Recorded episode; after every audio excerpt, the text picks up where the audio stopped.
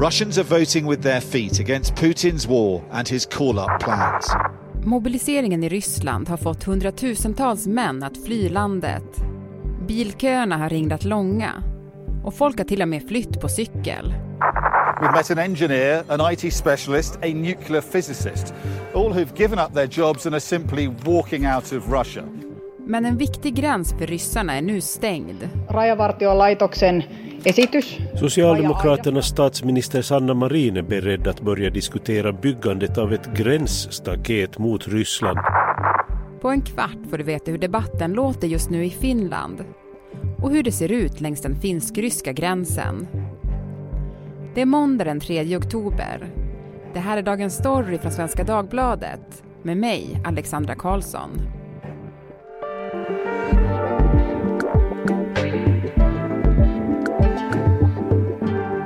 Fredrik Häggman till vardagsjournalist på Hufvudstadsbladet i Helsingfors, men nu på utbyte här på Svenska Dagbladet och Karin Turfjell, reporter. Halloj på er! Hej! Hej! Hej! Idag ska vi prata om läget vid den finsk-ryska gränsen. Eh, och du Fredrik, du bor ju som sagt i Finland till vardags. Alltså vad har du för relation till östra Finland och gränsen till Ryssland? Ja, alltså jag bor ju i Helsingfors som är liksom 200 kilometer från den ryska gränsen men eh, det mentala avståndet är nog ändå, ska vi säga längre än så. Man blickar ju alltid västerut till liksom Sverige och Västeuropa och den sidan så att på det viset känns det som att eh, Sankt Petersburg som är en mångmiljonstad relativt nära ligger ganska långt bort. Och jag tror det här gäller väl för ganska många i den delen av, av Finland här på kusten. Så jag kan inte säga att jag är riktigt, jag har inte hängt så mycket vid gränsen. Nej, men, men om man tänker till exempel alltså gränsen mellan Sverige och Norge, där är det mycket så att folk rör sig fritt och man åker iväg och handlar, norrmän kommer handla i Sverige och sådär. Hur, hur funkar gränsen till Ryssland? Alltså hur, hur ser den ut? Det finns en klar skillnad. Eh, det finns ett visst utbyte och det finns eh, en ganska livlig gränshandel där eh, med ryska medborgare som kommer över till Finland och handlar på sådana här stora köpcenter som finns vid, vid gränsen där, vid gränsövergångarna. Men, äh, men det ser, ser det nog ändå helt annorlunda ut än vid gränsen till Sverige eller gränsen till Norge för det, grundprincipen har alltid varit att det krävs ett visum för att åka in i Ryssland. Så man måste ansöka om på förhand och, och äh, så är det ju inte när man åker över till Sverige eller Norge så är det bara att ta bilen och, och köra över i princip. Mm.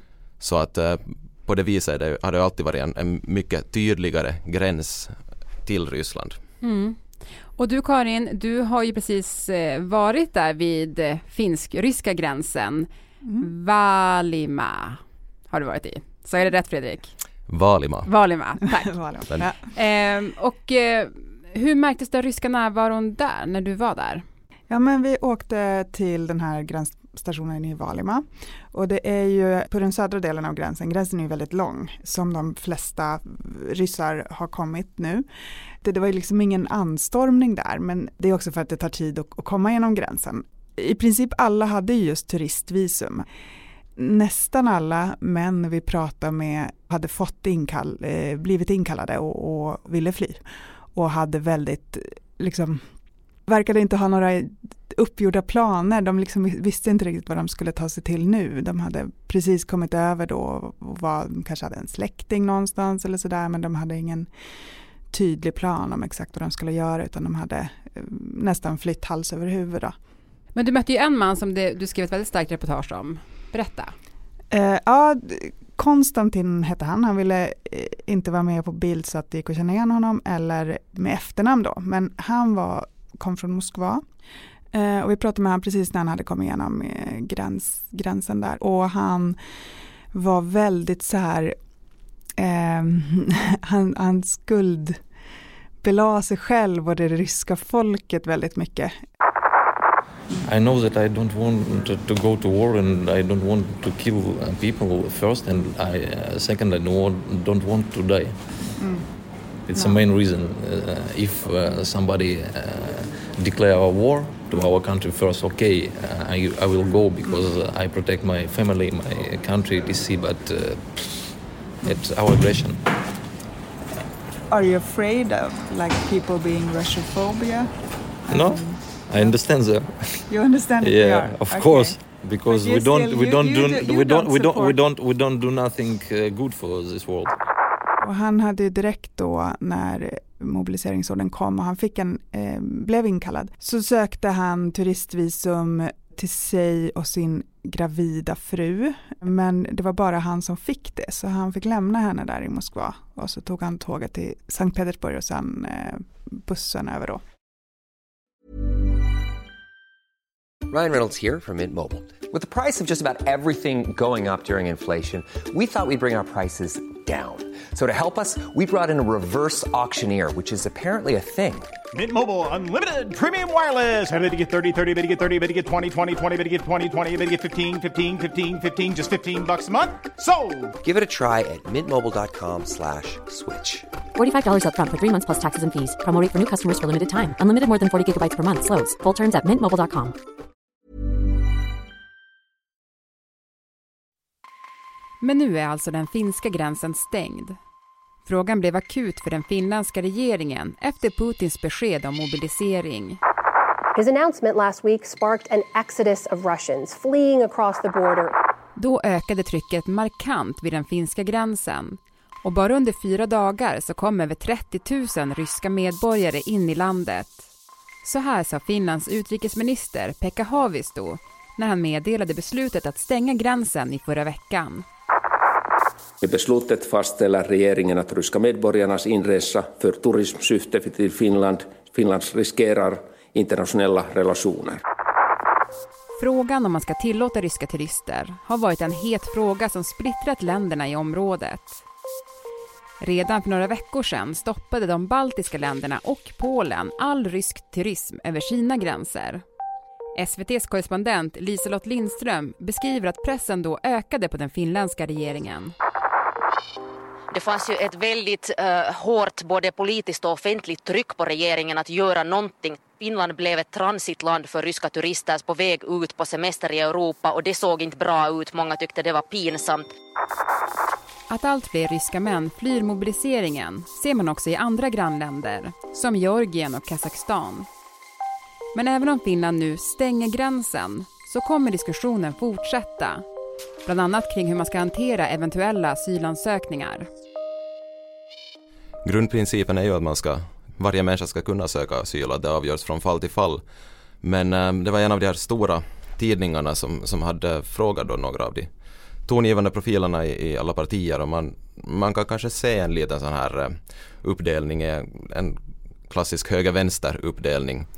Um, ehm, där var det då Petteri Orpo, Samlingspartiets uh, ordförande och eh, Jussi halla som tidigare var Sannfinländarnas ordförande eh, som båda var starkt emot att man skulle eh, bevilja asyl bara för, för på, på de grunderna att man flyr från, från mobiliseringen. På andra sidan har man då um, Socialdemokraterna som ju är det största regeringspartiet där.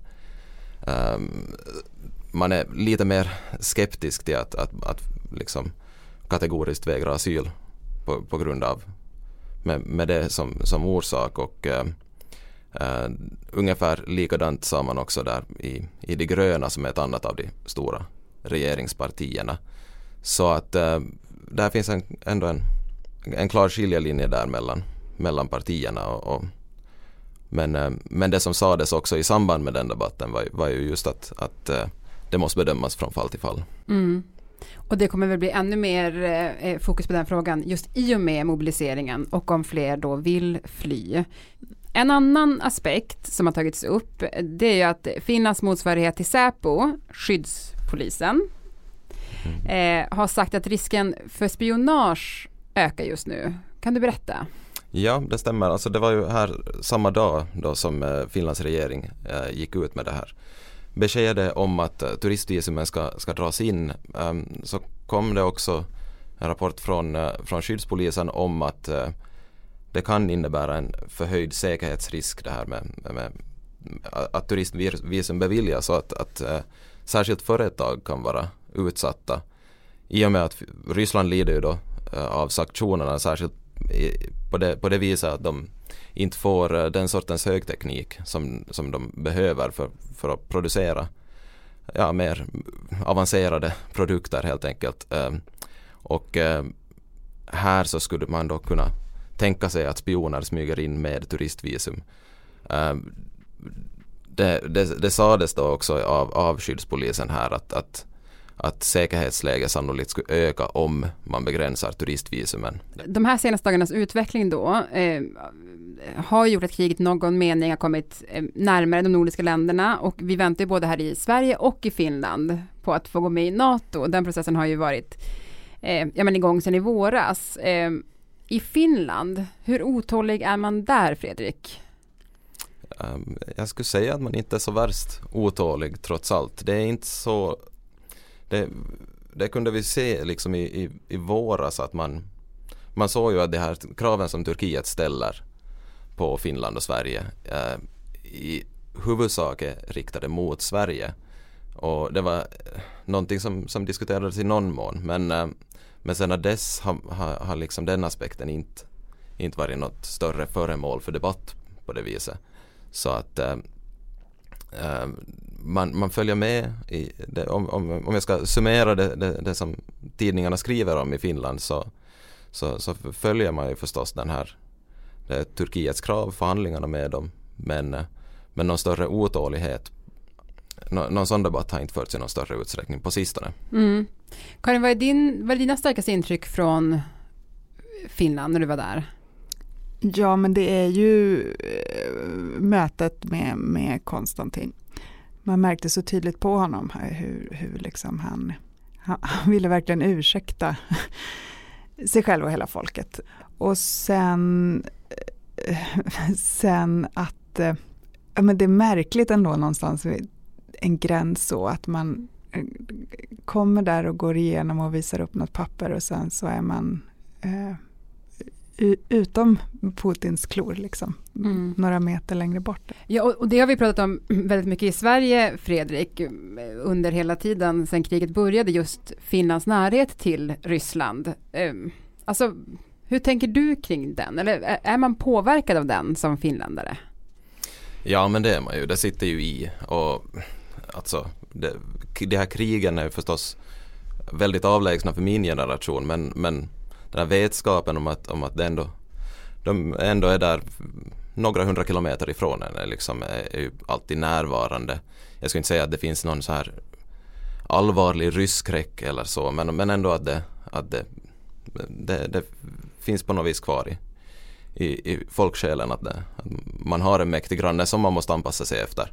Har du sett några reaktioner i medierna om, om att man nu faktiskt stängt gränsen? Jag, jag har inte sett några större analyser av det men eh, jag såg en ganska, ganska talande reaktion här. Ett eh, klipp som spreds på, på Twitter här eh, med, med en äldre man då som fick frågan om vad han tycker om att gränsen stängs. Och han, han svarade ganska korthugget att eh, gränsen stängdes 1944. Varför öppnades den? Mm. Det var hans enda kommentar. Det kändes ju som någonting som han har haft i bakhuvudet länge där. Ja, vissa sådana reaktioner har man fått in. Men förstås åt båda hållen. Att det, det, det finns såklart de som också är kritiska och, och skulle vilja att, att handeln skulle kunna fortsätta och att relationerna skulle kunna mm. förbli som de är. Tack så jättemycket Fredrik och Karin för att ni var med i Dagens Story. Tack. Tack. Burrows furniture is built for the way you live. From ensuring easy assembly and disassembly to honoring highly requested new colors for their award-winning seating, they always have their customers in mind. Their modular seating is made out of durable materials to last and grow with you. And with Burrow, you always get fast, free shipping. Get up to 60% off during Burrow's Memorial Day sale at burrow.com slash ACAST. That's burrow.com slash ACAST. burrow.com slash ACAST.